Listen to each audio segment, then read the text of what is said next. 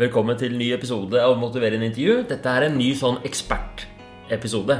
Og jeg spør en som har erfaring fra motiverende intervju, litt rundt metoden, og får noen nyttige tips og trikk. Tips og triks. Ja.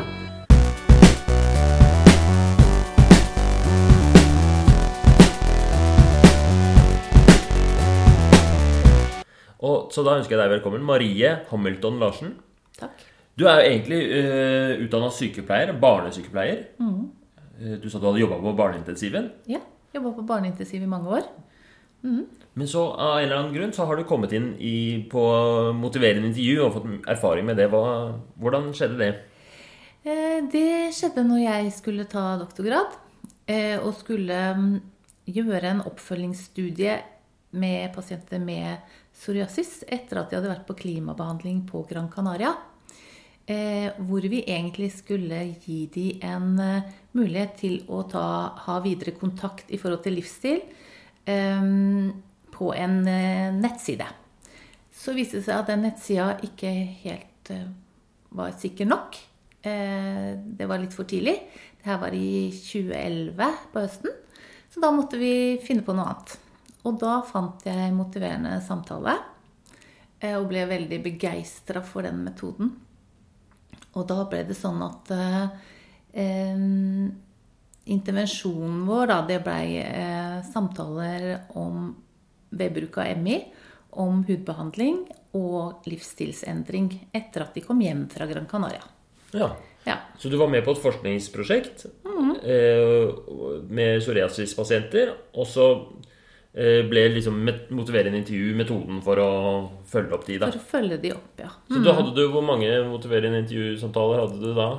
Jeg hadde I studiegruppa mi så hadde jeg eh, 86 pasienter som jeg snakka med én gang eh, face to face, en time på Gran Canaria før de reiste hjem. Og så ringte jeg til de seks ganger. Så det vil si eh, de neste tolv ukene, da. Eh, så det vil si at jeg hadde sånn, eh, ja, sånn rundt eh, i underkant av 90 én-til-én-samtaler, og så hadde jeg 550-ish eh, telefonsamtaler Wow, Så da fikk du mye erfaring ganske brått, da.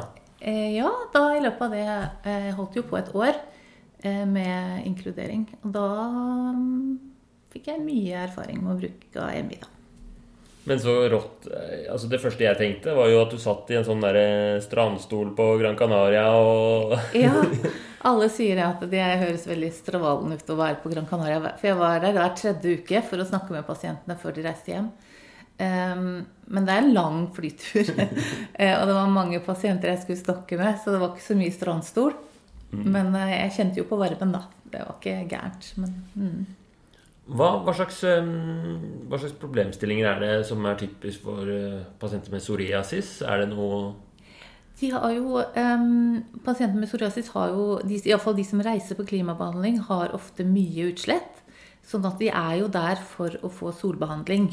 Eh, fordi sola på Gran Canaria har mye bedre UVB-stråling enn det vi har her i Norge. Eh, så da blir de fleste veldig, veldig mye bedre i huden eh, når de er der nede i løpet av de tre ukene. Eh, og samtidig så er psoriasis en systemsykdom som har mange følgesykdommer. Eh, og det er også mye livsstilsproblematikk. Sånn at eh, dette er pasienter som Eller personer som har mye Mange De røyker mer. Det er mange som drikker mer, og de er mer overvektige bl.a. Og de har mer stress i livet sitt enn når man sammenligner med normalbefolkning. da. Ja, Så pasienter med psoriasis har mer sånn eh, Mer eh, uvaner eller sånn Ja, de har mer utfordringer relatert til livsstil kanskje enn den, eh, når vi sammenligner med normalbefolkning. Og da er jo liksom Er det fordi man lever med en veldig synlig sykdom? Eller er det eh, fordi man, at man får mer utslett fordi man Ja, hva er Ja, ikke sant? For man vet ikke helt hvorfor. Nei, det, man begynner jo å få mer Det er masse forskning på det, men det er litt sånn høna og egget fortsatt. Eh, og samtidig så er det jo sånn at hvis man er veldig overvektig eller har veldig mye Røyker mye, så kan det også påvirke huden negativt. da. Så det Ja. blir en litt sånn eh, negativ eh, spiral. Og så er, ja. Og så er det veldig mange pasienter som gjør veldig mye bra mens de er på Gran Canaria. Fordi at det, da kommer man jo helt vekk fra eh, vanlig livet sitt her hjemme. Em, man blir bedre i huden. Man er sammen med mange av de andre som har samme problematikk. Man møter helsepersonell. Man er liksom i en veldig sånn Det høres ut som fantastisk behandling. Ja, og det har veldig god effekt. Um, men samtidig så når man da kommer hjem igjen, så er det kanskje ikke så lett å fortsette, da. Den gode, de gode vanene man kanskje har fått når man eh, Eller iallfall det man har tenkt at man skal endre på, da. Når man kommer hjem. Eh, Så det var da denne studien kom inn i bildet, da. For å på en måte se om det å få en oppfølging, og at noen liksom eh, snakker om livsstil og hudbehandling i etterkant, kunne gjøre en forskjell. Var det, hvordan gikk det, da? Hva, sa, hva sa folk? Eller hvordan funka det med den eh, intervensjonen med motiverende intervju? Eh, Det funka egentlig overraskende bra, syns jeg, eh, på veldig mange. Nå tenker jeg at det er litt sånn for oss som på en måte er helsepersonell, da, at MI passer for noen av oss, og ikke for alle. Og sånn er det litt med pasientene også, tenker jeg. At for noen så er den måten å kommunisere med eh, på helt eh, strålende. Og gjør at de reflekterer og gjør at de får satt ord på det som de kanskje liksom ikke helt har fått satt ord på. Um, mens for andre er det kanskje ikke så um, bra, da. Eh, Men summa summarum, når vi liksom snakker om effekt og sånn, så, så var det effekt på veldig mange ting i den studiegruppa når vi sammenligna kontroll, kontrollgruppa. Ja. Sånn at de hadde mindre utslett, og de hadde bedre livskvalitet etter seks måneder, og de hadde bedre psoriasiskunnskap etter et halvt år. Så vi hadde på en måte Intervensjonen viste at det å følge opp på den måten eh, gjorde en forskjell. Da. Ja, så til og med på utslettet, som sånn helt direkte, så er det jo ikke Så du kan ikke bare gjøre noe, og så blir utslettet borte, liksom? Nei, nei. Kanskje du kan påvirke det litt sånn indirekte ved å ha Ved å fortsette hudbehandling og fortsette å være eh, Kanskje ikke stresse så mye, og kanskje å gjøre noen sånne tiltak. Da. Men, men når man kommer tilbake til Norge, så vil jo eh, utslettet komme tilbake. Og vil på en måte eh, bli, forverre seg igjen, iallfall til en viss grad. Da. Men de hadde faktisk signifikant mye mindre utslett både etter tre og seks måneder. Så halvparten av de som var på sånn psoriasis-tur, Mhm. de fikk snakke med deg, og de fikk det bedre. Og en halvpart de fikk ikke noe oppfølging etterpå. De fikk turen og alt det gode Mhm. Ja, der, og så liksom. får de den vanlige oppfølginga som er vanlig, sånn som alle får eh, ellers. da. Går til hudlegen sin når de har behov, og går til fastlegen hvis det er den som følger opp og sånn. da. Så takket være én time med deg der og seks eh, telefonsamtaler etterpå, så fikk de bedre livskvalitet og mindre utslett. Det er ikke Ja. dårlig, da. Nei da, man skal jo være fornøyd med det. på en Ja. måte. At det, fall For noen så gjorde de samtalene en stor endring, som de også snakka mye om. At det var mm. det å vite at noen kom til å ringe. Og kom til å etterspørre det de hadde egentlig satt ord på at de hadde tenkt å gjøre. Ja. Eh, det gjorde noe med de. Eh, fordi at eh, de visste jo at jeg kom til å ringe, og at jeg kom til å spørre. Ja. I forhold til hvordan det gikk med det de hadde satt eh, seg som mål. da. Og, hva de, og noen hadde jo noen hadde fokus på røyking, noen hadde fokus på trening. og alle, Jeg snakket med hudbehandling, snakka jeg med alle om. Men så var det, valgte de sjøl hvilke områder ellers de hadde ønska å gjøre noe med. da. Ja, for det lurte jeg på. Hvor rigid øh, eller hvor fleksibelt var det? Altså, så, så Noen av de som kommer på podkasten når jeg har motiverende intervju, så blir det jo eh, temaer som jeg aldri hadde tenkt på på Ja. Mm. forhånd kunne være aktuelt, liksom. Ja, og sånn var det med meg. Og jeg tenkte i forkant at jeg kom til å snakke masse om røykeslutt. Det tenkte jeg at det kommer jeg til å måtte eh, eh, Det kommer til å være fokus. Men jeg var veldig overraska over at mange hadde Det var helt andre ting i livet de hadde behov for å snakke om. Eh, noen hadde behov for å snakke om eh, situasjoner som de kanskje ikke var kommet helt over. Eh, som liksom stoppa, opp, stoppa de opp litt, på en måte. Eh, som de hadde behov for å liksom diskutere. Ja, sånn, sånn, nesten sånn traumer de hadde vært gjennom. Ja, eller- litt sånn eh, vanskelig Noen snakka om vanskelige skilsmisser, noen snakka om eh, jobb Veldig mye om jobb. Mm. Eh, og problemstillinger i forhold til å stå i en strevsom jobbsituasjon og også skulle på en måte gjøre disse gode tinga som gjør at det ikke, de ikke man stresser, og at huden liksom eh, blir bra. da. Mm. Så den, det å snakke om stress og ha det som sånn, et av flere temaer som er typisk å snakke om, så kommer Ja. man inn på veldig mye varierte ting, da. Ja, det er det man gjør. Um, og for stressfaktoren innafor psoriasis er jo veldig noe pasienten er veldig opptatt av og har ført veldig på kroppen. Og mange, i alle fall en god del av de kjenner jo det at hvis det skjer noe sånn veldig dramatisk i livet, eller hvis det blir veldig mye stress, så blir huden også veldig mye dårligere, da. Og det kan skje fra den ene dagen til den andre. Og det å leve med den derre I og med at dette er en så veldig synlig sykdom, eh, og at mange har jo jobber hvor de er veldig i relasjon med andre, eh, og at de, det påvirker de negativt, da. Ja, for det må jo være stressende å tenke at hvis jeg blir mer stressa nå, så plutselig Så får jeg disse kjipe utslettene i ansiktet. Sånn. Ja, og særlig de som på en måte har det på, eh, på hender og, og ansikt og sånne steder hvor ikke man kan eh, Hvor ikke man kan eh, liksom skjule det. da. Mange er jo veldig veldig gode til å skjule utslettene sine. Og til å på en måte mm, At ikke det skal synes i den vanlige. Det er så,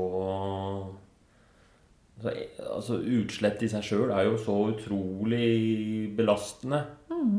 Og, det det. Og, men i hvert fall når det er sånn at man ikke kan kontrollere det helt, at det fluktuerer og Så det er den manglende kontrollen eh, som mange iallfall snakka om at var veldig eh, stressende. da, Og at de ikke helt visste hva som på en måte trigga det eller ikke trigga det.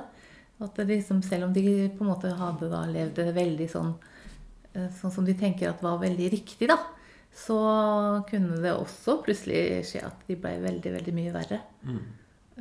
og selv om de da hadde gjort alle disse gode grepa og vært eh, flinke. Så det, så det å leve med den eh, usikkerheten, da, eller denne Ja, det er en belastende for mange. Når du sa at um, du, hvor, hvor, hvor hyppig var det du fulgte opp? Eh, Jeg ringte de hver 14. da, cirka. Ja. Eh, Så vi avtalte fra gang til gang eh, på tidspunkt som passa for de. Um, ja. Og i, da i cirka ble det tre, to måneder eller noe sånt? Tre måneder? Tre måneder. Ja. Mm, Så um, mm. Seks samtaler i løpet av tre måneder. Hva, altså, det har jeg også lurt på iblant. Da, hva, hva er det som har mest effekt her? Er det det at det er en oppfølging, eller er det det som skjer i Det er ofte tenkt på hva, for, Veldig ofte når jeg har disse motiverende intervjusamtalene her på podkasten, så forteller folk at bare det å Og også når jeg har hatt med pasienter på, på jobben, så er det det at den er i ventetida mens de eh, liksom Før de kommer til samtalen, så skjer det masse. Og så vet jeg ikke helt hvor mye som skjer i selve samtalen. Nei. Nei, jeg også lurte veldig på det, om det var bare det at de fikk en oppfølging, eller om det var MI-teknikkene som gjorde at de eh, At mange gjorde veldig gode endringer da, for, i livet sitt. Um, og det var noen av de Jeg husker det var en av eh, de mannlige pasientene som sa liksom til meg at jeg, jeg lurer på om du manipulerer meg. Eh, Manipulerende intervju. ja, og så, og så hadde han liksom tenkt videre at nei, jeg, da, må det jo være jeg sjøl som manipulerer meg sjøl. fordi at jeg hadde jo på en måte bare stilt noen åpne spørsmål og fått, den til å, han til å kanskje sette ord på det han eh, Han gjorde veldig mange gode endringer i den oppfølgingsfasen. Hva var sånne typiske ting han gjorde? Trente mer, fikk liksom eh, mer orden på ting. Eh, noen eh, fikk også mer kontroll over alkoholforbruket sitt. Og også ta tak i ting på jobb eh, som kanskje hadde gått og Som de hadde liksom tenkt på veldig lenge, og som de Ja. liksom ikke helt hadde kommet fram til en konklusjon på. Ja, sånn, sier Si fra til sjefen at jeg trenger Si- ja. fri på fredager, eller? Ja, eller gå ned litt i stilling, ikke sant? Eller faktisk på en måte gjøre ja, Slutte i den jobben og begynne i en annen. da. Ta disse litt sånne store avgjørelsene. Ja.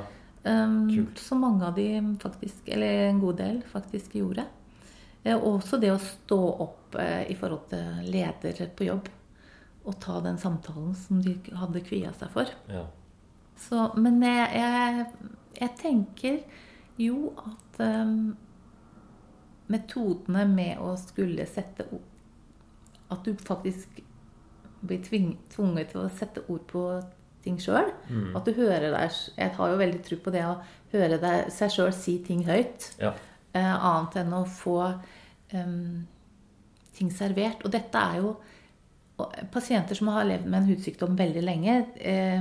de hadde en gjennomsnittlig eh, psoriasisvarighet på 23 år, tror jeg. Såpass, ja. Ja, så dette var jo, Og da får man jo også en um, Vi som helsepersonell vi får jo en måte vi kommuniserer med pasientene på. De får jo også en eh, måte de kommuniserer med oss på. Ja. Eh, Til- og en sånn rutine for hvordan de kommuniserer med, med oss. Det blir fort veldig sånn automatisk. Ja, ja, jeg skal Veldig- gjøre det. eller sånn, Ja. Mm. litt sånn, De går litt sånn inn i, pi- i sånn um, autopilot på, på kommunikasjon. Um, og det var det flere som sa at det var ingen før de snakka med meg, som hadde spurt de hvorfor de likte å røyke, blant annet. Ja. Eh, hvorfor, hva, hva er det med røykinga som du liker så godt? Eller hva er det med det å ikke trene hvorfor, eh, som du liker så godt? Eh, og bare den lille liksom eh, Mm. Hva er det med å ikke trene der. som du ja. liker så godt? Ja, Ja, hvorfor er det liksom mm. Ja. Um, Få, ja, å se den andre, den andre siden av ja, det. jeg tror det. Og jeg merker så tydelig den der autopiloten. Det er så ofte jeg spør ja, men hva er, de, liksom, hva er de negative sidene ved å Mm. trene. Og så er det ja, det er bare positivt å trene. Og så spør man en gang til ja, men hva er det, hvorfor gjør du det ikke da? Hva er det som du syns er litt kjipt med studio? Og så forteller de om sånn ja, ja, men jeg faktisk jeg hater at de andre ser på meg inne på treningsstudio og bla, bla. bla. Og det er et eller annet forløsende med det. Mm. Ja, det er noe med det. Og særlig kanskje i enda større grad for disse pasientene som har utslett. Det å gå på sånne offentlige treningssentre eh, og på en måte bli utsatt for alle disse blikkene. Og føle liksom at man eh, Og særlig i de periodene hvor de har mye utslett og det flasser og eh, Så ser du jo eh, Så er det en ekstra påkjenning som Ja. kanskje gjør at de, at de kvier seg veldig til å gjøre de vanlige som vi andre ikke kan eh, skjule oss bak, da, så er det liksom en, en, enda en årsak til at det blir vanskelig. Hva er det du tenker sånn eh, for din egen del? Hva er det du med motiverende intervjuer du syns Eller er det noe som faller deg veldig naturlig, som du syns er lett? Og er det noe som du har strevd masse med, sånn i teknikken, liksom? Ja. At jeg strevde ganske mye til å begynne med. Um, fordi at når man har hatt et langt liv bak seg som, eh, som helsepersonell, så har man jo liksom en sånn eh, måte å snakke på som man liksom um, eh, er bekvem med. Men samtidig så tror jeg liksom at eh, ME-teknikkene lå litt sånn for meg også, kanskje. At det var ikke så vanskelig. Um, jeg strevde veldig til å begynne med, med å tørre å gjøre komplekse refleksjoner. Ja. Det var vanskelig, syns jeg. Um, det å ta sjansen og liksom å være sånn direkte Du sier uh, at istedenfor å gjøre det om til spørsmål. ja. Som gjør at det liksom um, Det syns jeg var vanskelig.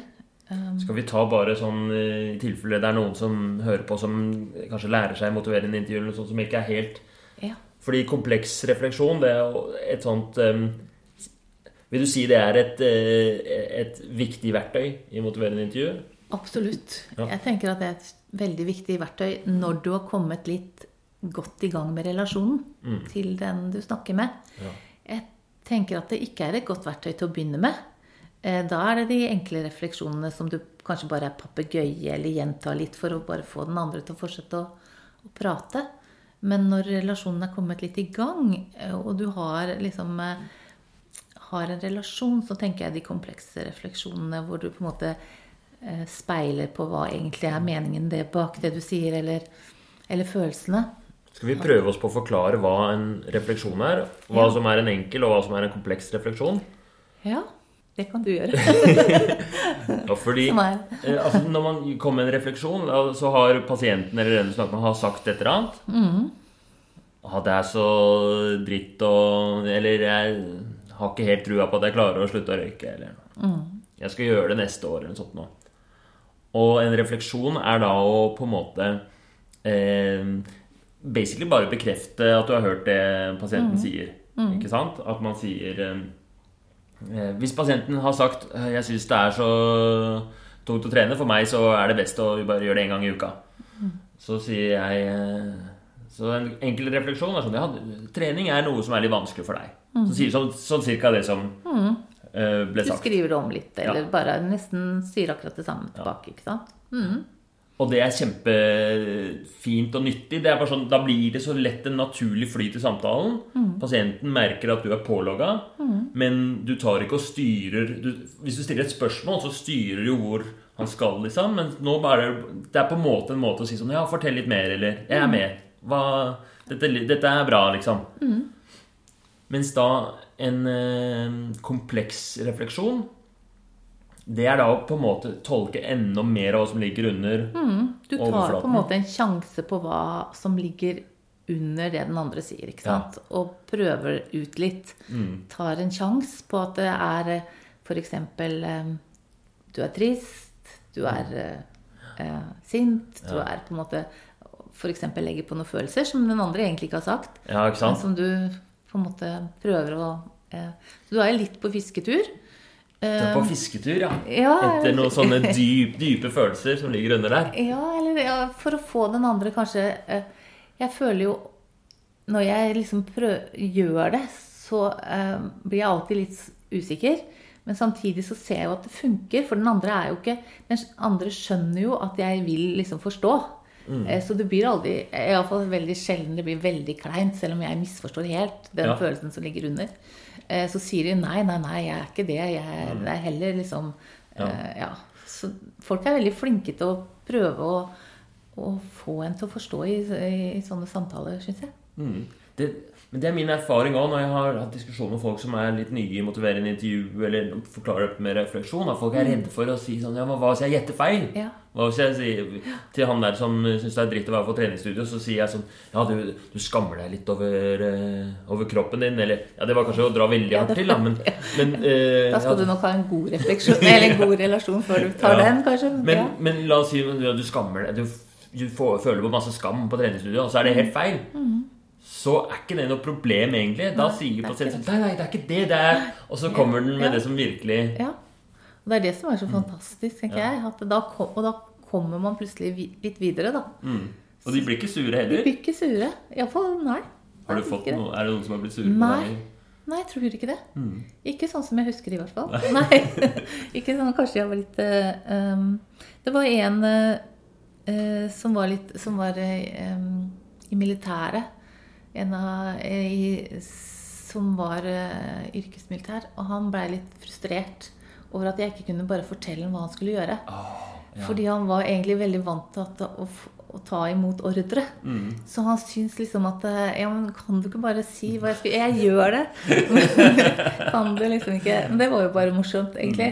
Eh, ja, men eh, ja. Ja, nemlig. Han var ikke så gira på å motivere Han ville ha et uh, Han ville ha svar, ikke Ja. Han ville ha liksom Hva skal jeg gjøre først? Hva skal jeg gjøre etterpå? Hva skal si, du, du som er ekspert, må Ja. fortelle meg. Og så gjør jeg det, for jeg er vant til å følge ordre. Høres ut som en på en måte drømmepasient Ja, for mange. egentlig. Sånn typisk eh, legesamtale, liksom. Eller sykepleiersamtale. Jeg tror det. Så, det er, så de eh, Å gjøre refleksjoner, eller i hvert fall gjøre sånn litt komplekse refleksjoner hvor man leter litt etter um, følelser, det har vært en sånn um, En sånn litt Som du har syntes har vært litt utfordrende, men som du har Ja. hatt gode erfaringer med. Ja, um, absolutt. Jeg syns det er litt Men jeg tror kanskje jeg er blitt mer uh, avslappa på det etter hvert. At jeg tenker at uh, det viktigste i de første samtalene er å, skape en, en god relasjon. Ehm, og så får heller liksom de komplekse refleksjonene, og det kommer liksom et, litt etter hvert, da. Eh, Men jeg merker nok det etter hvert som jeg har gjort mer ME, at jeg, nå gjør jeg mer refleksjoner enn jeg stiller spørsmål. Um, til å begynne med var jeg nok veldig på Jeg stilte veldig mange spørsmål. Ja. Ja. uh, ja. Eh, fordi at eh, jeg prøvde å gjøre de åpne, da, men det var heller ikke alltid jeg klarte å gjøre stille åpne spørsmål. Jeg hadde veldig mye lukka spørsmål, og det er også en del av det som kanskje er litt utfordrende når man skal begynne å lære MI, så tro, Jeg trodde iallfall at jeg var ganske god på å stille åpne spørsmål til folk. Men jeg var jo ikke det. Jeg var ganske dårlig. Jeg hadde veldig mange lukka spørsmål for å på en måte rydde litt og liksom for å få ting liksom eh, Er det sånn, eller er det sånn, eller liksom eh, eh, Så det var også en veldig sånn um, øyeåpner for meg. måte, Ja. For å liksom skjønne at jeg faktisk eh, Jeg tenkte liksom at ja, kommunikasjon det er jeg jo ganske god i. Mm. Før jeg begynte med MI. Og så fant jeg ut at jeg var ikke Det var absolutt store potensialer for forbedring, ja. Hvor er det du har lært eh, motiverende intervjuer? Eh, Jeg, eh, når jeg, jeg leste masse. eh, Og jeg leste bøkene eh, først. Og så så jeg eh, en del på YouTube. Eh, Og så var jeg på sånne, to sånne tredagerskurs eh, som jeg fikk lov å være med i bydeler i Oslo. Men så følte jeg at det jeg liksom ikke lærte nok. Em, I og med at jeg, jeg var veldig opptatt av at jeg måtte gjøre dette at jeg, må, jeg kunne jo ingenting fra før. Jeg begynte jo på null. Og i og med at jeg skulle bruke det i eh, doktorgradsprosjektet mitt, så følte jeg et behov for å liksom iallfall få um, mer praktisk eh, øvelse også, da, eh, i tillegg til teorien. Så da tok jeg et sånt um, um, Jeg vet ikke om det var kurs uh, på Oslo Met, eller uh, på um, Høgskolen i Oslo den gangen. Eh, over et år. Ja. En sånn modul. mm, Ti vekttall eller noe sånt. Mm. Nemlig. Så kult. Og der var, det, der var det forelesninger og grupper og Der var det eh, en del forelesninger, eh, og så eh, mye grupper. Mye øvelser. Eh, og mye sånn at vi var i smågrupper og trente på hverandre. Ja. Eh, og også at vi tok hverandre opp på film og sånn, og fikk tilbakemeldinger. Sånn grusomme greier. ja, det er grusomt. Ja, det er grusomt. Se hva, se, se. Ja. Vi har gjort det litt på medisinstudiet òg, at vi ser hverandre på Eller ser på film av oss sjøl som har forskjellige ja. Jeg husker en gang hvor jeg la merke til, og det hadde jeg ikke tenkt på det hele tatt under innspillinga, men jeg satt jo og tromma med en penn i bordet liksom under hele samtalen, og det må ha vært så sykt irriterende. Ingen har noen gang sagt til meg. Nei. Men man, da finner man sånne veldig, små ting man ja, gjør som er utrolig Det er veldig lærerikt, men Mm. veldig grusomt. Ja. Særlig for, eh, ja, for noen av oss sikkert mer enn andre, men ja. ja. Jeg syns det ikke er noe gøy å høre på podkastepisodene mine sjøl, selv om jeg burde jo sikkert granske de nøye, men Ikke sant? Det er noe med at den får en annen stemme. Det er et eller annet som gjør en Men, mm, men jeg føler jo liksom det at um, er jo liksom litt sånn ferskvare. Sånn at eh, Og når jeg ikke gjør det um, i hverdagen min eh, lenger, så må jeg, hvis jeg skal undervise om det, eller hvis jeg skal liksom eh, Så må jeg liksom um, friske opp litt. ja. Eh, Så da må jeg em, Da leser jeg ofte. eh, Og så liksom sjek, sjekker opp, og så ser jeg på YouTube på disse filmene. Jeg syns de er veldig greie, for da får man liksom Det er noe med å få disse setningene litt inn og høre hvordan andre liksom gjør det. Hvilke filmer er det hva er Det er du jo mange uh, ulike MI-filmer på YouTube. Men jeg ser jo, har jo sett mye Og de har jo også brukt når jeg har undervist om MI, så har jeg brukt disse filmene med Bart. Tom Ja. Bart. Eh, som, eh, og også Helsedirektoratet har noen sånne filmer. Åtte filmer eller noe sånt som ligger ute. På, Ja. eh, som eh, handler om litt ulike ting. Eh, og noe er fra treningsstudio, og noe er liksom på en måte i forhold til eh, alkohol og Men det er liksom noe med å få inn disse mm, vendingene, da. Hva mener du med vendingene? Ja, mm, hvordan folk eh, Hvordan terapeutene For da hører jeg jo mest på terapeuten. Eh, hvordan de uttrykker seg, og når, hvilke type teknikker de bruker for å få den andre til å snakke mer da, Mm. om denne endringen sin. Eller denne manglende endringen, eller eh, Ja. Ja. Mm. Hva er det sånn typisk ting da når det har gått en stund, og så skal du kanskje av en eller annen grunn ha en MI-samtale, da? Mm. Og hva er det som på en måte er typisk sånn som du glemmer først? At, eh, eller som, hva er det som er mest du Ja, hva som er Ja, det er kanskje Jeg tror kanskje det er de enkle tingene, kanskje. Jeg vet ikke helt. Om det er liksom det med med de åpne spørsmåla, kanskje.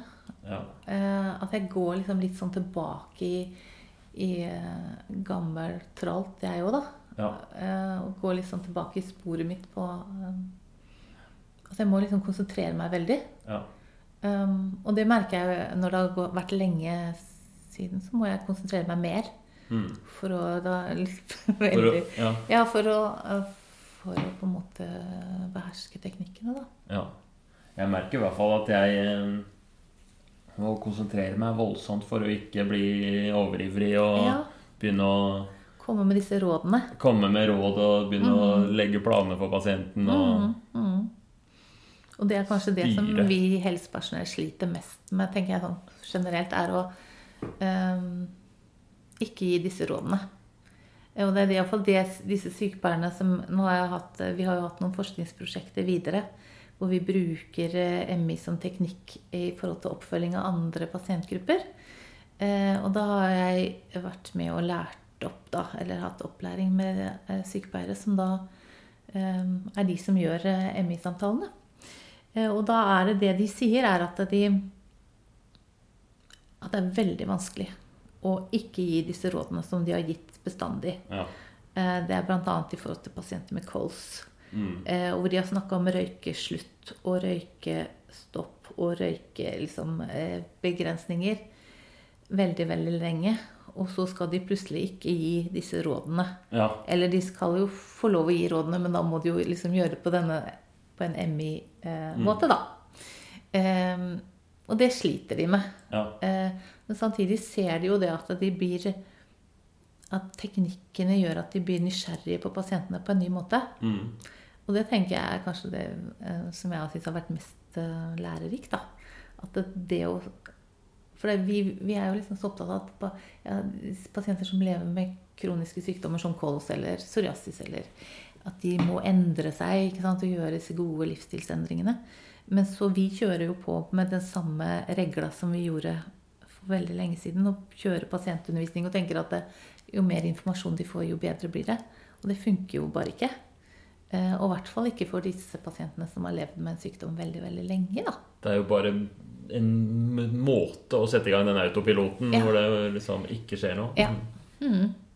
Så det er ganske eh, Det syns jeg har vært veldig lærerikt. Ja. Å liksom på en måte se at eh, ved å kommunisere på en annen måte, så selv med en pasientgruppe som du som sykepleier, da, for disse har jo vært sykepleiere, har veldig lang erfaring med, så får du liksom Ser du de på en, plutselig på en annen måte? Det er, det, er, det er rart hvor både innarbeida det er, både i sånn Altså det der med å ville hjelpe og gi råd og, og endre pasienten. Både sånn i vår psykologi, jeg tror det er helt sånn automatisk, mm. men også i arbeidsrutinene. Og jeg skrev en epikrise her forleden dag, som er da liksom utskrivningsjournalen til pasienten. Og der står det liksom Gi råd om eh, røyke Det var en som strevet med mange rusmidler, da. Bør, eh, bør ikke Bør redusere bruken av eh, kokain og hasj. Ja. Og det blir jo sånn tekstbok hvordan man egentlig Hvis jeg virkelig vil at pasienten skal redusere de, eh, så må jeg spørre og, og la det være opp til pasienten og gjøre liksom, motiverende intervjumetoden. Og jeg gjorde jo det i samtalen, men liksom i epikrisen så var det veldig vanskelig å ja, Så det ble en sånn der mellomløsning, da. ja. Eh, men eh, Altså, det er jo helt på en måte naivt å tenke at det skal ha noe effekt. At eh, en pasient som eh, tar kokain, eh, røyker hasj, eh, driver med selvskading, har selvmordstanker Altså har en veldig stor problematikk. At jeg kan si sånn Ja, men du burde gjøre sånn og sånn og sånn, og så endrer det seg. ja, det er veldig naivt. Men det er jo det vi tenker. Ja. Og at hvis vi kjører på med litt, enda litt mer informasjon om hvor skadelig det er, ja. så er det det som skal til. Og for noen så kanskje det virker, men det er Kanskje var militærmannen din, så Kanskje det Ja. Men, uh... ja. Men i det, det var i hvert fall Det ble en skikkelig kul samtale, fordi det vi landet på, eller det som em, pasienten trakk fram, som ting han hadde lyst til å endre på, eller som tenkte var viktig for han, eh, og som hadde funket for han før. Det var sånn Nei, men det som hjelper for meg, er å eh, komme meg ut. Fordi når jeg inne, ligger inne og i mine egne tanker, så er det veldig tungt. Ja. Men med en gang jeg kommer meg ut, så kjenner jeg det alltid litt lettere. Og så mm, Og det endte opp med å stå det i epikrisen at liksom eh, Har som mål å komme seg ut litt oftere. En liten tur hver dag. Kan følges opp av eh. Så det ble litt Det var eh, eh, Og så kom de liksom Skrev jeg det der med at rusmidler og sånt nå er ikke, er ikke heldig og bør slutte med det, men det liksom så skrev jeg ikke sånn at dette kan tas senere, selv om jeg hadde litt lyst til å skrive det. Fordi det er jo på en måte Må jo representere helsevesenet sånn som man forventer litt òg, da. I hvert fall, det ble, det ble fint. Ja. Men den der korrigeringsrefleksen, den, den sitter så hardt. Og ja, den, den, gjør, den er veldig vanskelig å, å ikke ta den ryggmargsrefleksen på. Liksom, og em, komme med pekefingeren Mm. og si at du burde, du skal, du vet jo Ja. Mm. Har du tips til meg som har det sånn veldig hardt eh, altså, Som har en meget aktiv eh, korrigeringsrefleks? Hvordan jeg kan eh, eh, bli flinkere på det? Jeg veit ikke helt, ja, om du em, Det er vel bare å bli bevisst på at, hvor aktiv den er, eh, tenker jeg. Mm. Um, og så huske på at hvis uh, Å være litt fornøyd, da. De gangene du liksom har klart å uh, være litt fornøyd Ja. med deg sjøl. Og så tenke at ja, dette ble jo en bra samtale. Mm. Um, Ja. litt, ja, fordi det er så fort gjort for meg òg. At jeg sitter og ah, jeg klarte Men selv om det Ja. var sikkert var veldig mye bra i en samtale. Så. ja, og det tenker jeg jeg jo. Ja, det er jo liksom Man tenker jo noen ganger Jeg syns jo det Jeg måtte jo sende disse eh, En del av disse mm, samtalene mine til Da sendte jeg de til Sverige da, for, å få, for å få vurdert de på en måte, om jeg brukte MI, eller om jeg bare satt og småprata. Eh, og da måtte jeg jo også lese gjennom disse eh, utskriftene. Vent litt, hvordan funker det egentlig? At du sender inn Ja, eh, nå er det jo et eh, nå, Når jeg gjorde det, så var ikke det mulig i Norge. Nå er det mulig man kan sende til eh, eh, en eh, klinikk i Bergen, eller et eh, sted i Bergen, hvor de, hvor de ser på samtalen din og rater den. da. Om du på en måte eh, I hvor stor grad du bruker åpne spørsmål, om du gir, om du gir eh, enkle og eh, komplekse refleksjoner, og om du gjør oppsummeringer, om du er liksom eh, empatisk, da. Om du liksom, eller om du på en måte prøver å gi disse rådene og er liksom ikke i MI-modus. Um, så um, når jeg eh, Å, fy søren.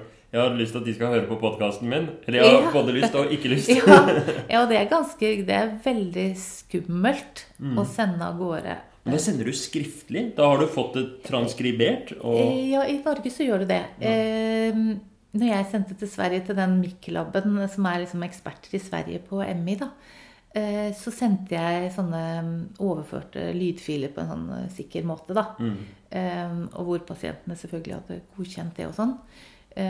på jeg tror det var 40-45 minutter, og så velger de de 10-15 minuttene de ser på i den, hele den samtalen. Mm. Så du vet, du kan ikke si at eh, Vær så snill, sjekk mm. første delen, for der er jeg veldig god.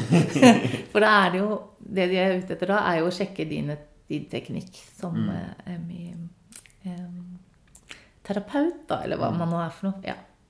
Um, men det var jo veldig Det er jo veldig lærerikt, det også, å vite at det For jeg fikk, liksom, jeg fikk det tilbake og så at jeg var liksom Jeg scora over eh, liksom eh, det du skal, for å kunne Ja. si at du er liksom eh, em, Du fikk tilbake Dette her var en Det her var faktisk et Ja, du får intervju. scoring, du får liksom antall åpne spørsmål, antall lukka, du får antall refleksjoner. Du får liksom veldig sånn eh, For de sitter faktisk og teller veldig nøye. Ja.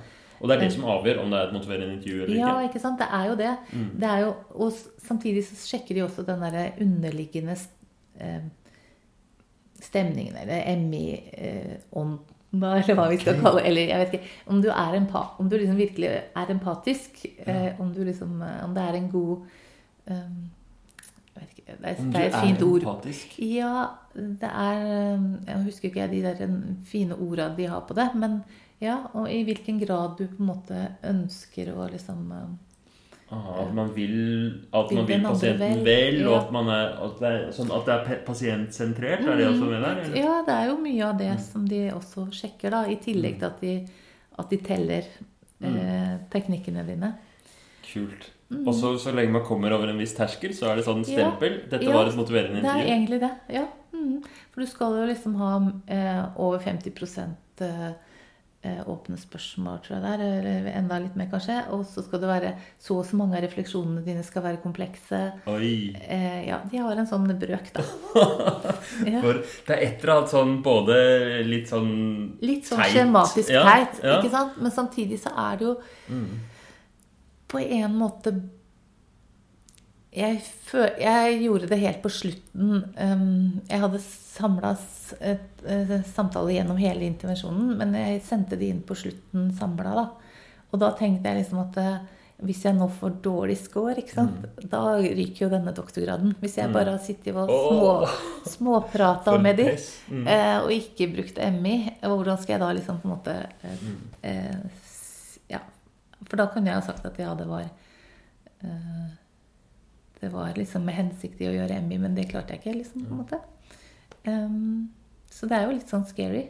Men da fikk du Hva, var scoren din, da? Det, den var over eh, Den var eh, relativt eh, bra, da. Ja. Mm. Men da hadde jeg jo gjort veldig mange samtaler, ikke sant. Ja. Og jeg er helt sikker på at hvis de hadde gått gjennom de intervjuene jeg har på podkasten jeg, jeg, jeg, jeg tipper at én av ti hadde vært innafor. Jeg Ikke si det. Jo, Man jeg er helt sikker. Man er så kritisk. Ja, ja, men Men eh, jeg var veldig eh, hadde veldig veldig dårlig selvtillit på det. Jeg var Ja. veldig langt nede når jeg måtte sende de. Men, Kan jeg Men, tenke eh, meg. Jeg fikk i hvert fall Ja. Men, eh, men så, så da må det ha vært skikkelig digg da å få en ordentlig bekreftelse på at dette var bra. ja, iallfall at det var faktisk eh, Det var MI-samtaler, da. Det var kanskje det viktigste. At ikke det var en, bare en samtale. Eh, sånn at det var Hvordan fikk du den tilbakemeldinga? Hvordan Du får eh, Fikk rett og slett et skjema for hver samtale. Et brev, Med liksom? Eller ja, ja. mail? Eller? Ja, ja. Nei, på Jeg tror jeg fikk, jeg fikk det vel kanskje på mail. Ja, på hver mm. Så de, de, er, de er ordentlig proffe. Sånn at eh, mhm. Hva Det- tenkte du da? Eller hva følte du da? Nei, jeg ble jo veldig fornøyd. eh, fordi at jeg tenkte at da har jeg iallfall eh, på en måte Da kan jeg si at det jeg har faktisk gjort, det har vært eh, innafor Mm. i forhold til Emmy. Og så tenker jeg at man blir jo Det er jo øvelse, øvelse, øvelse. Mm. Det er jo liksom på en måte um, Men jeg hadde jo sendt noen som jeg også hadde gjort ganske tidlig. Uh, og de var også innafor, da. Så tenker jeg at det var ikke sånn at jeg liksom Ja. bare sendte de siste Ja, du, ja, bare som jeg tenkte var veldig bra. Men jeg tror nok eh, eh, det var veldig tilfeldig hvem av de samtalene jeg fikk tatt opp. fordi jeg, jeg delte kontor på universitetet. Så måtte jeg bare ta opp Jeg hadde sånn derre kobling på fasttelefonen og sånn, da, så jeg måtte sitte på fasttelefonen og så må, måtte jeg liksom koble den direkte, sånn, for alt skal jo være så sikkert ikke sant, når vi tar opp. Så det var en litt sånn gammeldags dårlig løsning. Eh, Så det gjorde at eh, jeg fikk liksom ikke valgt hvilke pasienter jeg tenkte at jeg skulle ta opp samtalen med. Så jeg måtte ta de som det passa. Liksom eh, så det ble veldig tilfeldig. Så sånn sett så var jo det bra. Eh, Men da gikk jeg jo glipp av noen av de som jeg syns at var veldig lette å snakke med. Da. Det er jo alltid sånn, Noen er jo lettere å snakke med. Og det er jo absolutt mange av de samtalene jeg hadde også, som jeg bare egentlig var glad for at var på telefon. Fordi at jeg hadde noen sånne eh, Ja. eh, ja, At jeg var helt oppgitt over meg, ja, ja. helt oppgitt over meg sjøl. Er det mulig Mm. å kløne det til så veldig? Jeg syns det var skikkelig kult å høre at det er en sånn at det sitter noen folk på et sånn laboratorium og Ja. teller åpne spørsmål og refleksjoner. Og, Ja. og det er litt interessant, for de vurderer jo ikke resultatene. De, de de re, vurderer ikke hvordan pasienten responderer. Ikke i det hele tatt, nei. De, de rett og slett bare vurderer din kommunikasjon som, eh, Hmm. som um, samtalepartner, da, eller terapeut, eller Ja. Veldig kult. Hva har du um, tips til folk som er helt nye i gamet og har lyst til å lære å motivere en intervju, eller eh, bruke det litt på jobb, eller Nei, jeg tenker jo at um, må de bare prøve. Kjenne på om det er liksom eh, Å begynne enkelt, og ikke tenke at de skal fikse alt med en gang. Um, lage seg noen sånne gode, åpne spørsmål. Skrive de opp. mm. Uh, og så øve seg på det først. Ja. Uh, Og gjøre det enkelt, og så gå liksom litt sånn gradvis til verks. Og ikke tenke at man skal bli eh, veldig, veldig god sånn med en gang. Um, men prøve seg litt på, på refleksjoner. Og jeg syns um, det å oppsummere, Mm. det er veldig undervurdert, altså. ja. Det har man jo aldri, aldri oppsummert en samtale før, tror jeg. Eh, Men det å oppsummere underveis, eh, det syns jeg er veldig bra. Det opplever jeg òg. Fy søren, så undervurdert det er. Ja. Og det å på en måte da liksom komme til en felles forståelse at ja, det er det vi har snakka om. Eh, Er vi liksom Er det en god Er, er jeg riktig nå, liksom? Er jeg, har, jeg, har vi oppfatta det samme? Så det du sier, altså de hovedtipsene dine til nye, det er å um, gjøre det enkelt, Enkelt. sånn at du kommer i gang og får prøvd, liksom. Mm. Lurt å skrive ned noen åpne spørsmål, sånn at Ja. du har de. Da er det i hvert fall i boks. Og så ikke undervurdere effekten av oppsummering. Prøv å oppsummere. Var ikke det en fin oppsummering? Jo, det var en fin oppsummering. Veldig bra. Da sier jeg tusen takk for at du stilte opp på dette ekspertmotiverende intervjuet. Og det var kjempelærerikt og gøy. Håper eh, de som hørte på, også fikk noe ut av det. Det fikk i hvert fall jeg. Så får du ha en fin dag videre, og takk til alle dere som hørte på. Ha det bra!